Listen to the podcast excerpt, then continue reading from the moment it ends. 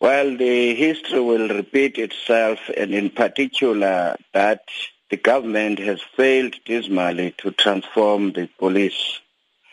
You still see the image of the old apartheid police.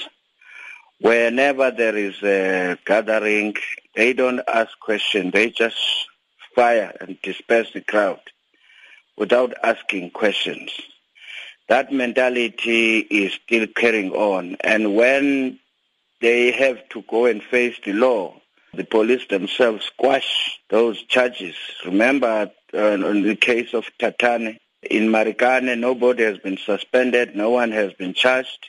They are still going to do it. Until such time there is a doctrine which is in line with our constitution, which respects the Bill of Rights. For now, forget, they will repeat it.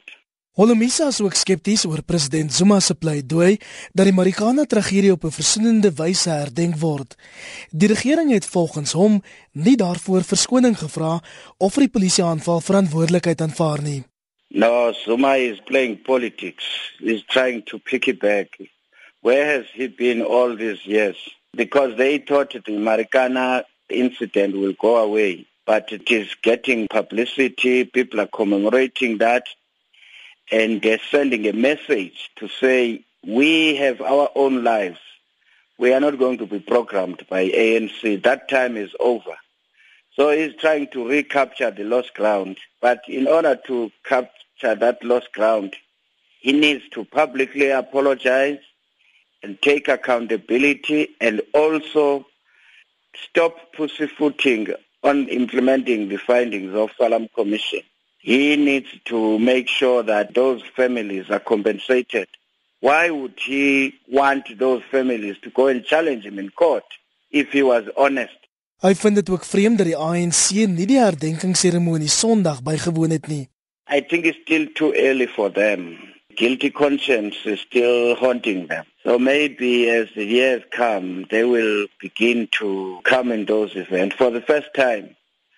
we hear Zuma recognizing that there was a commemoration in the first instance. In the past, they would shun that day.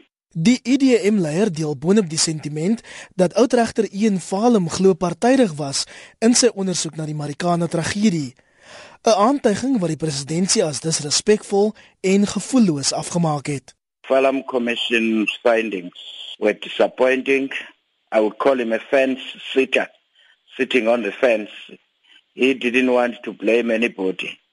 I mean, 40 something people died. The first one was 10 and the other was 30 something. He is not coming up here as to what happened. He wasted a lot of 157 million sitting there and coming up without findings. Most important finding is who authorized the operation.